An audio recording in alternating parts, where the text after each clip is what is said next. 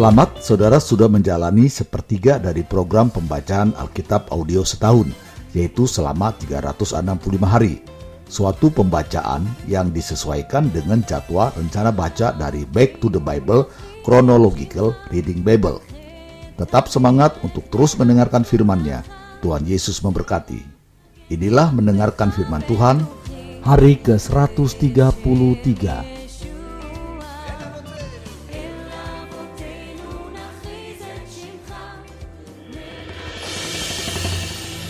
2 Samuel pasal 11 ayat 1 sampai 27. Daud dan Batseba. Pada pergantian tahun, pada waktu raja-raja biasanya maju berperang, maka Daud menyuruh Yoab maju beserta orang-orangnya dan seluruh orang Israel. Mereka memusnahkan Bani Amon dan mengepung kota Raba, sedang Daud sendiri tinggal di Yerusalem. Sekali peristiwa pada waktu petang, ketika Daud bangun dari tempat pembaringannya, lalu berjalan-jalan di atas sotoh istana, tampak kepadanya dari atas sotoh itu seorang perempuan sedang mandi. Perempuan itu sangat elok rupanya. Lalu Daud menyuruh orang bertanya tentang perempuan itu, dan orang berkata, "Itu adalah Batseba binti Eliam, istri Uria orang Het itu." Sesudah itu, Daud menyuruh orang mengambil dia. Perempuan itu datang kepadanya, Lalu Daud tidur dengan dia. Perempuan itu baru selesai membersihkan diri dari kenajisannya. Kemudian pulanglah perempuan itu ke rumahnya. Lalu mengandunglah perempuan itu dan disuruhnya orang memberitahukan kepada Daud demikian. Aku mengandung. Lalu Daud menyuruh orang kepada Yoab mengatakan, Suruhlah Uria, orang Het itu datang kepadaku. Maka Yoab menyuruh Uria menghadap Daud Ketika Uria masuk menghadap dia, bertanyalah Daud tentang keadaan Yoab dan tentara dan keadaan perang. Kemudian berkatalah Daud kepada Uria, "Pergilah ke rumahmu dan basuhlah kakimu." Ketika Uria keluar dari istana, maka orang menyusul dia dengan membawa hadiah raja. Tetapi Uria membaringkan diri di depan pintu istana bersama-sama hamba tuanya dan tidak pergi ke rumahnya. Diberitahukan kepada Daud demikian, Uria tidak pergi ke rumahnya. Lalu berkatalah Daud kepada Uria, Bukankah engkau baru pulang dari perjalanan? Mengapa engkau tidak pergi ke rumahmu? Tetapi Uria berkata kepada Daud, Tabut serta orang Israel dan orang Yehuda diam dalam pondok. Juga tuanku Yoab dan hamba-hamba tuanku sendiri berkemah di padang. Masakan aku pulang ke rumahku untuk makan minum dan tidur dengan istriku? Demi hidupmu dan demi nyawamu, aku tak akan melakukan hal itu. Kata Daud kepada Uria, tinggallah hari ini di sini, besok aku akan melepas engkau pergi. Jadi Uria tinggal di Yerusalem pada hari itu. Keesokan harinya, Daud memanggil dia untuk makan dan minum dengan dia, dan Daud membuatnya mabuk.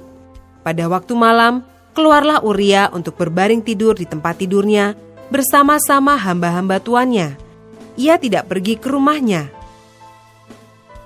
Paginya Daud menulis surat kepada Yoab dan mengirimkannya dengan perantaraan Uria. Ditulisnya dalam surat itu demikian, Tempatkanlah Uria di barisan depan dalam pertempuran yang paling hebat. Kemudian kamu mengundurkan diri daripadanya, supaya ia terbunuh mati. Pada waktu Yoab mengepung kota Rabah, ia menyuruh Uria pergi ke tempat yang diketahuinya ada lawan yang gagah perkasa.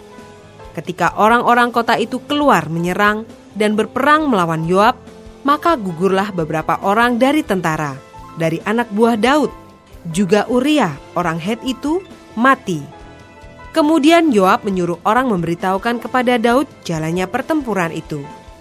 Ia memerintahkan kepada suruhan itu demikian – jika engkau sudah selesai mengabarkan jalannya pertempuran itu kepada raja, dan jikalau raja menjadi geram dan berkata kepadamu, "Mengapa kamu demikian dekat ke kota itu untuk berperang? Tidakkah kamu tahu bahwa orang akan memanah dari atas tembok? Siapakah yang menewaskan Abimelek bin Yerubeset?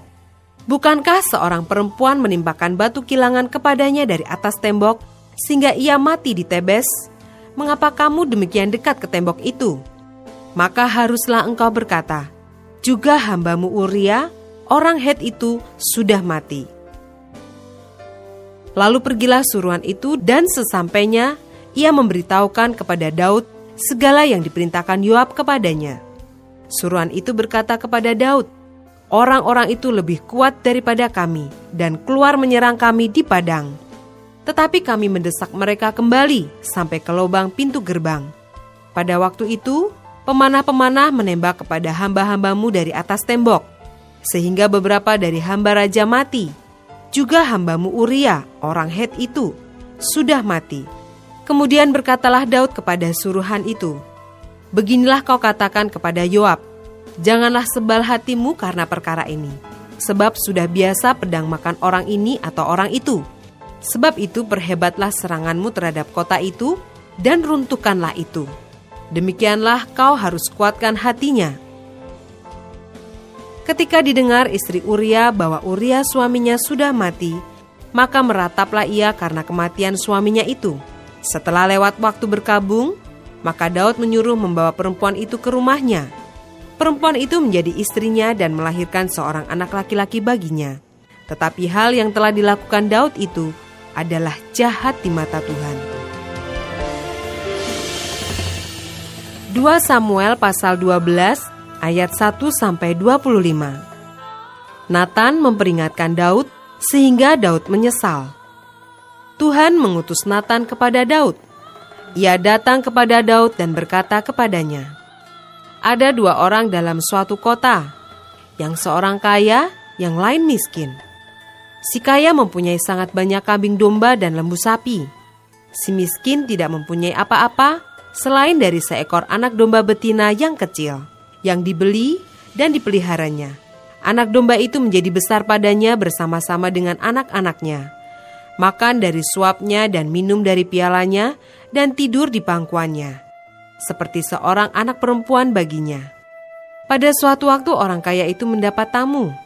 Dan ia merasa sayang mengambil seekor dari kambing dombanya atau lembunya untuk memasaknya bagi pengembara yang datang kepadanya itu. Jadi ia mengambil anak domba betina kepunyaan si miskin itu dan memasaknya bagi orang yang datang kepadanya itu. Lalu Daud menjadi sangat marah karena orang itu dan ia berkata kepada Nathan, Demi Tuhan yang hidup, orang yang melakukan itu harus dihukum mati. Dan anak domba betina itu harus dibayar gantinya empat kali lipat, karena ia telah melakukan hal itu dan oleh karena ia tidak kenal belas kasihan. Kemudian berkatalah Nathan kepada Daud, Engkaulah orang itu. Beginilah firman Tuhan Allah Israel. Akulah yang mengurapi engkau menjadi raja atas Israel. Dan akulah yang melepaskan engkau dari tangan Saul.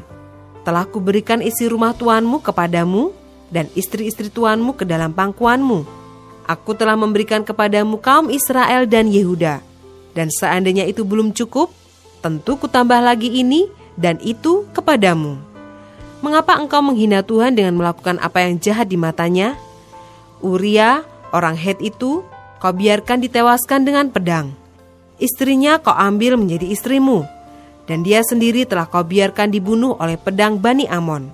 Oleh sebab itu, pedang tidak akan menyingkir dari keturunanmu sampai selamanya, karena engkau telah menghina aku dan mengambil istri Uria, orang Het itu, untuk menjadi istrimu. Beginilah firman Tuhan, bahwasanya malapetaka akan kutimpakan ke atasmu yang datang dari kaum keluargamu sendiri. Aku akan mengambil istri-istrimu di depan matamu dan memberikannya kepada orang lain. Orang itu akan tidur dengan istri-istrimu di siang hari. Sebab engkau telah melakukannya secara tersembunyi, tetapi aku akan melakukan hal itu di depan seluruh Israel secara terang-terangan. Lalu berkatalah Daud kepada Nathan, Aku sudah berdosa kepada Tuhan. Dan Nathan berkata kepada Daud, Tuhan telah menjauhkan dosamu itu, engkau tidak akan mati. Walaupun demikian, karena engkau dengan perbuatan ini telah sangat menista Tuhan, pastilah anak yang lahir bagimu itu akan mati. Kemudian pergilah Nathan ke rumahnya, dan Tuhan menulahi anak yang dilahirkan bekas istri Uria bagi Daud sehingga sakit. Lalu Daud memohon kepada Allah oleh karena anak itu. Ia berpuasa dengan tekun dan apabila ia masuk ke dalam, semalam-malaman itu ia berbaring di tanah. Maka datanglah kepadanya para tua-tua yang di rumahnya untuk meminta ia bangun dari lantai. Tetapi ia tidak mau, juga ia tidak makan bersama-sama dengan mereka. Pada hari yang ketujuh, matilah anak itu, dan pegawai-pegawai Daud takut memberitahukan kepadanya bahwa anak itu sudah mati. Sebab mereka berkata, ketika anak itu masih hidup, kita telah berbicara kepadanya, tetapi ia tidak menghiraukan perkataan kita. Bagaimana kita dapat mengatakan kepadanya anak itu sudah mati? Jangan-jangan ia mencelakakan diri. Ketika Daud melihat bahwa pegawai-pegawainya berbisik-bisik, mengertilah ia bahwa anak itu sudah mati. Lalu Daud bertanya kepada pegawai-pegawainya, "Sudah matikah anak itu?" Jawab mereka, "Sudah." Lalu Daud bangun dari lantai, ia mandi dan berurap dan bertukar pakaian. Ia masuk ke dalam rumah Tuhan dan sujud menyembah. Sesudah itu pulanglah ia ke rumahnya, dan atas permintaannya dihidangkan kepadanya roti. Lalu ia makan. Berkatalah pegawai-pegawainya kepadanya, Apakah artinya hal yang kau perbuat ini? Oleh karena anak yang masih hidup itu, engkau berpuasa dan menangis, tetapi sesudah anak itu mati, engkau bangun dan makan. Jawabnya, selagi anak itu hidup, aku berpuasa dan menangis karena pikirku, siapa tahu Tuhan mengasihani aku sehingga anak itu tetap hidup. Tetapi sekarang ia sudah mati. Mengapa aku harus berpuasa? Dapatkah aku mengembalikannya lagi? Aku yang akan pergi kepadanya, tetapi ia tidak akan kembali kepadaku. Kemudian Daud menghibur hati Batsyeba istrinya. Ia menghampiri perempuan itu dan tidur dengan dia. Dan perempuan itu melahirkan seorang anak laki-laki. Lalu Daud memberi nama Salomo kepada anak itu. Tuhan mengasihi anak ini, dan dengan perantaraan Nabi Nathan, ia menyuruh menamakan anak itu Yedija oleh karena Tuhan.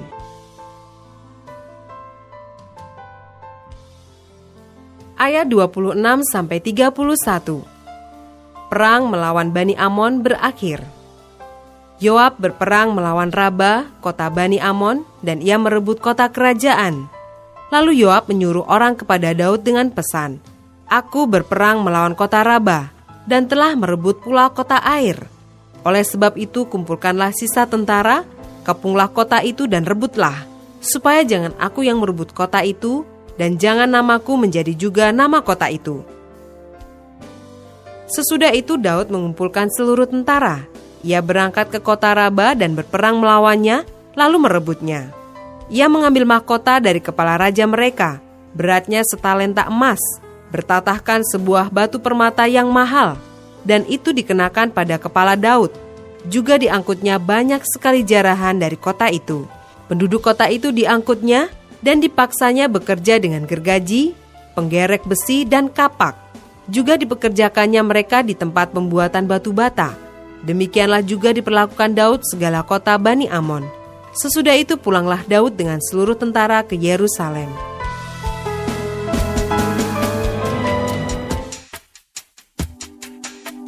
Satu Tawari pasal 20 ayat 1 sampai 3. Perang melawan Bani Amon berakhir.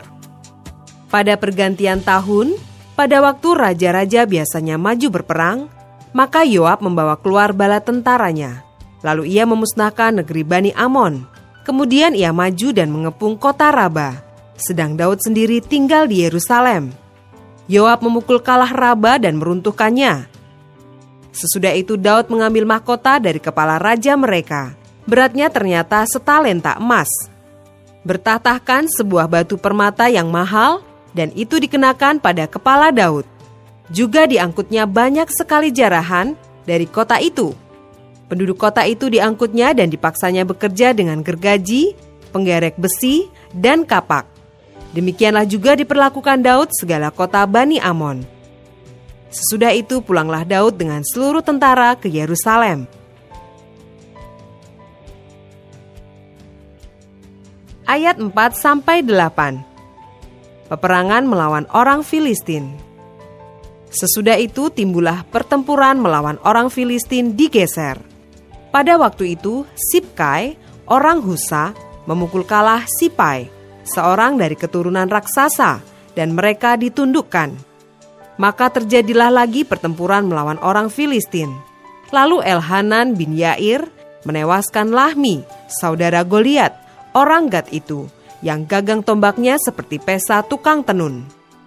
Lalu terjadi lagi pertempuran di Gad, dan di sana ada seorang yang tinggi perawakannya, yang tangannya dan kakinya masing-masing berjari enam, 24 seluruhnya. Juga orang ini termasuk keturunan raksasa. Ia mengolok-olok orang Israel, maka Yonatan anak Simea kakak Daud menewaskannya. Orang-orang ini termasuk keturunan raksasa di Gad. Mereka tewas oleh tangan Daud dan oleh tangan orang-orangnya.